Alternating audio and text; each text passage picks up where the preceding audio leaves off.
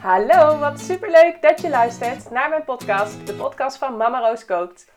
In deze podcast neem ik je mee in de wereld van babyvoeding en leer jij hoe jij je peuter weer gezond laat eten. Zo weet jij hoe jij je kindje de beste start kan geven en kunnen jullie als gezin genieten van gezellige etentjes samen. Mijn persoonlijke verhalen als mama van drie meiden, maar ook mijn achtergrond in psychologie, voeding en onderwijs hoor je terug in de verhalen van deze podcast. Veel plezier met luisteren! Vandaag is het onderwerp ehm, welke producten zijn nou geschikt voor babytjes en in welke fase.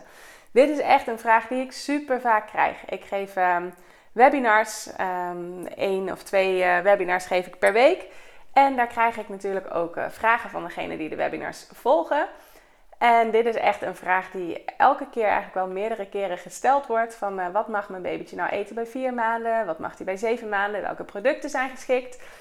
Um, dus ik dacht, dat is ook wel leuk. Uh, ik vertel dat natuurlijk in de webinars ook al wel. Maar ik vind het ook leuk om daar nog eens een podcast over op te nemen. Dan kan ik daar nog uh, wat verder op ingaan. Puur op dat onderwerp. Uh, ik weet dus dat er heel veel vraag naar is. En in mijn cursus um, heb ik dit natuurlijk heel erg uitgebreid.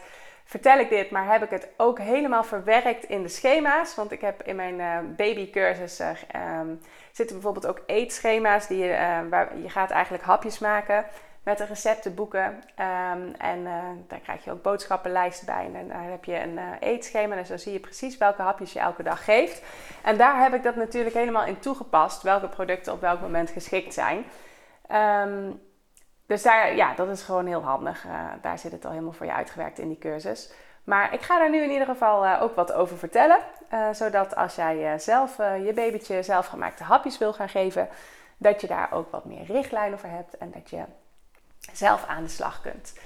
Um, ja, het, eh, we beginnen eventjes gewoon bij het moment dat je babytje eh, mag gaan eten. En dat is bij vier maanden. Dus tussen vier en zes maanden mag jij je babytje de eerste hapjes gaan, e gaan geven. Dit noemen we dan ook wel oefenhapjes.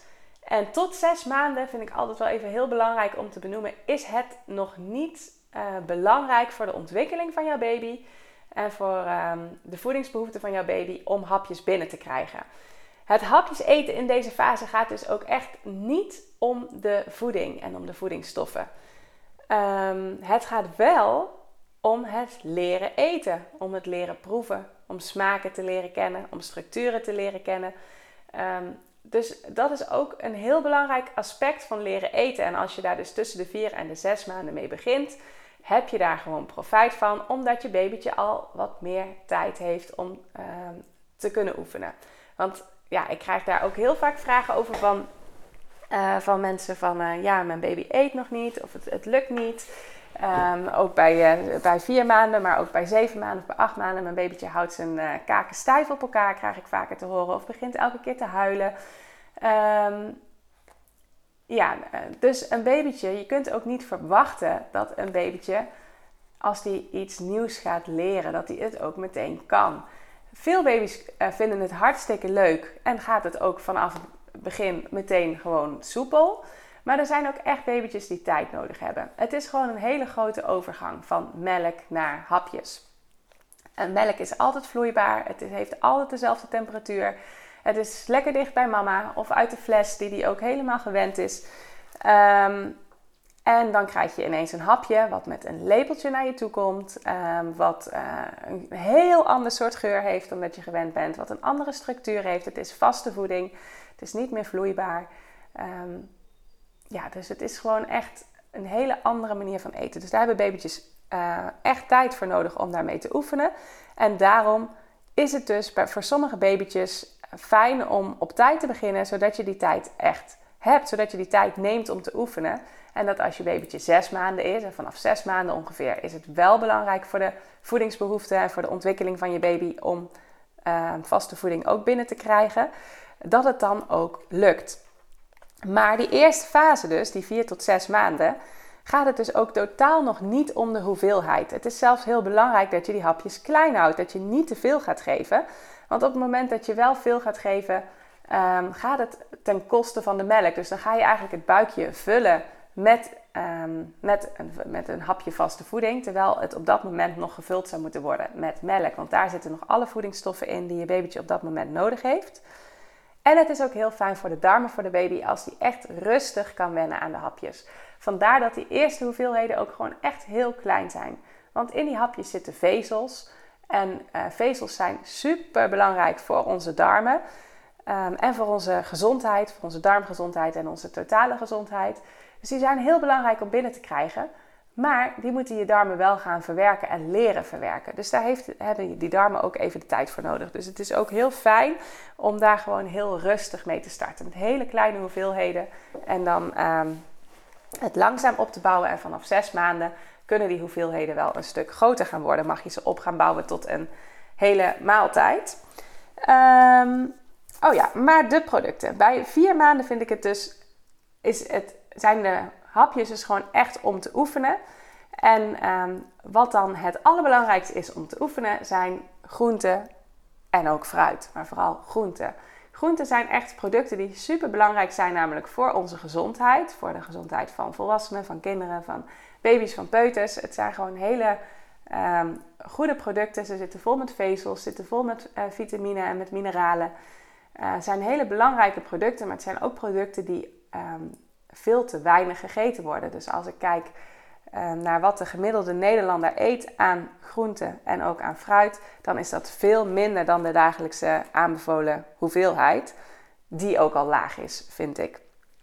Dus um, die smaken zijn belangrijk om te leren kennen, om te gaan waarderen. Als een babytje die smaken al leert kennen en leert waarderen, dan gaat een uh, kindje dat ook veel makkelijker eten. Dan ga je het lekker vinden. Als je iets vaak hebt geproefd, vaak hebt ervaren, vaak in je mond hebt gehad, vaak hebt geroken, vaak hebt gezien ook. Dus als, je, als iets herhaald is, je hebt het gewoon herhaald aangeboden gekregen, dan wordt het daar dus steeds um, interessanter en lekkerder door. Dus um, dat is een hele belangrijke om dat uh, te onthouden. Die herhaling die zorgt er dus ook voor dat het lekkerder wordt. Dus wat wil je herhalen in die eerste fase? Wat wil je graag dat je kindje lekker gaat vinden? Ja, zeker groenten. Want dat zijn echt gewoon belangrijke producten voor de gezondheid. Uh, maar die de meeste mensen veel te weinig eten. En waarom wordt er te weinig gegeten? Ja, vaak wordt er gezegd dat de smaak um, niet helemaal gewaardeerd wordt. Dus als je die smaak in die eerste fase al leert waarderen, dan heb je daar gewoon heel veel profijt van. Uh, geldt ook voor, voor fruit, hè? want fruit wordt ook nog steeds te weinig gegeten, maar dat vinden de meeste mensen wel lekker. Dus daar zitten misschien andere redenen achter dat het te weinig gegeten wordt. Maar uh, voor fruit geldt het dus ook zeker. Dus ook met fruit kun je hier in deze fase goed gaan oefenen. Je zult alleen zien, geldt niet voor elk babytje, maar veel babytjes vinden fruit makkelijker om te leren eten dan groenten. Groente heeft best wel ook wat bittere smaken namelijk. En fruit is vooral zoet. En um, als ik even naar de aangeboren smaakvoorkeuren van een babytje kijk, dan uh, is zoet daar dus eentje van. Um, dus is vaak ook de zoete producten gaan die wat makkelijker. En dat zul je met fruit zien. Zuur wat minder zit ook wel in fruit. Hè? Dus zuur is ook wel iets wat een kindje vaak moet leren eten. Maar als het weer gecombineerd wordt met zoet, dan is dat vaak alweer wat makkelijker. Um, dus ja, die eerste fase vooral focus op groente en fruit. En um, ik krijg ook heel vaak de vraag van, mag dit product en mag dit product, mag ik uh, bijvoorbeeld uh, broccoli geven, want het is een kool. Of mag ik uh, een spruitje geven, want dat is toch wel heel zwaar op de maag. Um, ja, vroeger waren daar inderdaad adviezen voor dat bijvoorbeeld kolen nog afgeraden werden in de eerste fase. Maar die adviezen die zijn er eigenlijk af die richtlijnen die zijn veranderd omdat um, er inderdaad kindjes zijn die daarop reageren, maar ook heel veel kinderen die daar helemaal niet op reageren en die dat prima kunnen hebben al in die fase. En dan is het ook heel goed om die producten ook al, om daar al mee te oefenen en om die al te leren eten. Het zijn ook hele gezonde producten, hè, de kolen. Um, dus die raad ik zeker niet af. Ik raad wel aan om heel goed te letten op de reactie van je kindje, op de lichamelijke reactie van je kindje. Um, merk je nou bijvoorbeeld dat je een bepaald product hebt gegeven en dat kan, een, kan bijvoorbeeld zoiets als broccoli zijn, maar het kan ook iets anders zijn als zoete aardappel waar je het misschien minder bij verwacht. Maar merk je nou dat er een relatie is tussen hoe je kindje um, ja, eigenlijk op een product reageert en het product dus dat je aanbiedt. Dus dat het niet hapjes in het algemeen is, maar dat elke keer als jij een zoete aardappel hebt gegeven, dan ehm, heeft hij bijvoorbeeld is hij een beetje uh, heeft hij obstipatie, dan is hij wat verstopt, of krijgt hij juist diarree, of merk je wat, um, wat darmkrampjes, of is hij heel onrustig. Dat soort reacties kun je, kun je dan op letten. Als je daar een relatie in ziet, wacht dan even met dat product. Dus geef dat product dan even weer een tijdje niet. En dan kun je het daarna weer opnieuw proberen en weer goed die reactie in de gaten houden.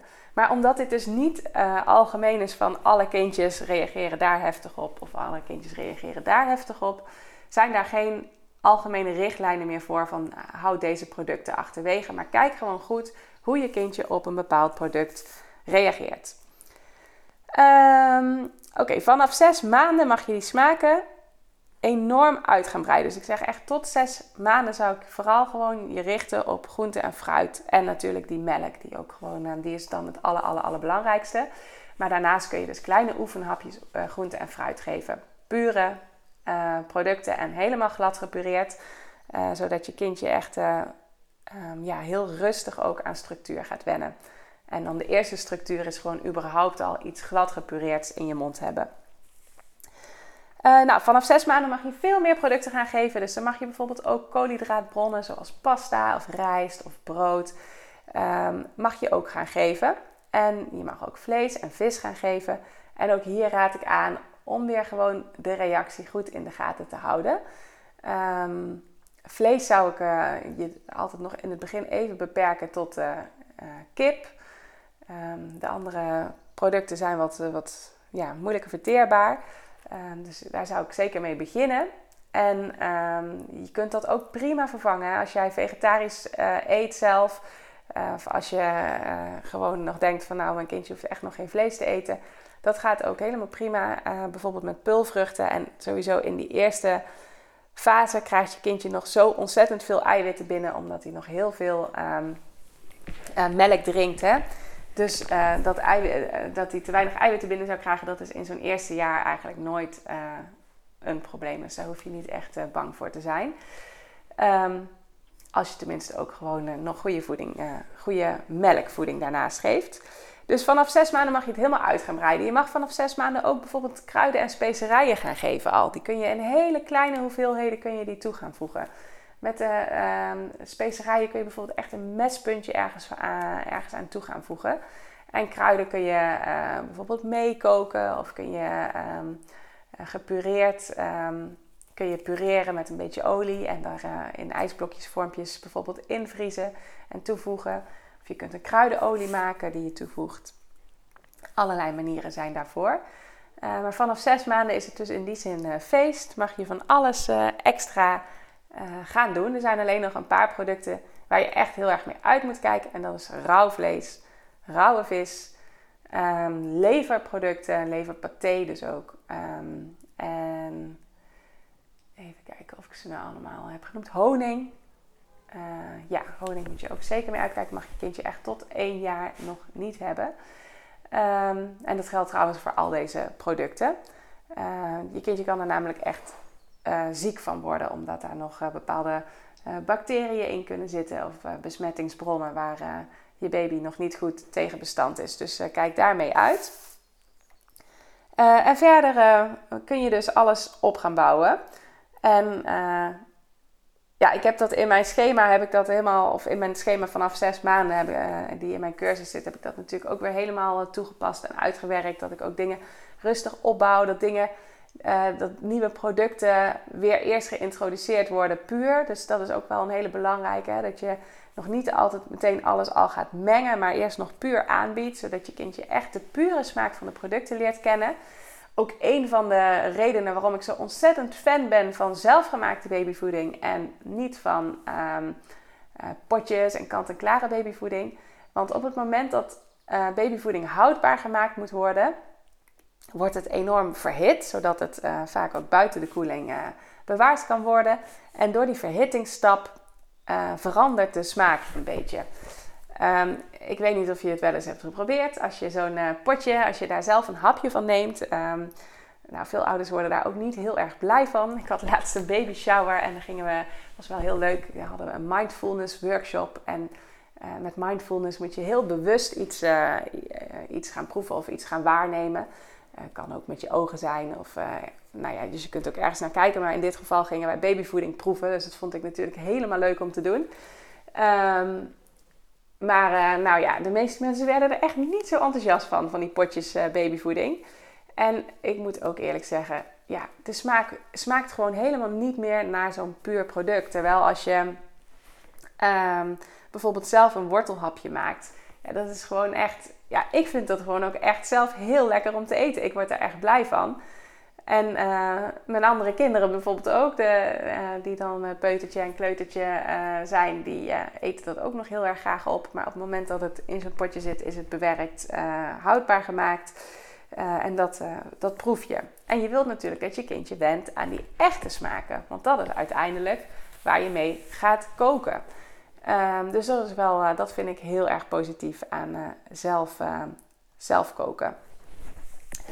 Um, ja, en ook structuren kun je flink uit gaan breiden vanaf deze fase. Dus vanaf maand, zes maanden. Je zou ook al stukjes kunnen geven als je in ieder geval hele zachte stukjes geeft. Hè. Dus belangrijk bijvoorbeeld om dingen goed uh, gaar te koken.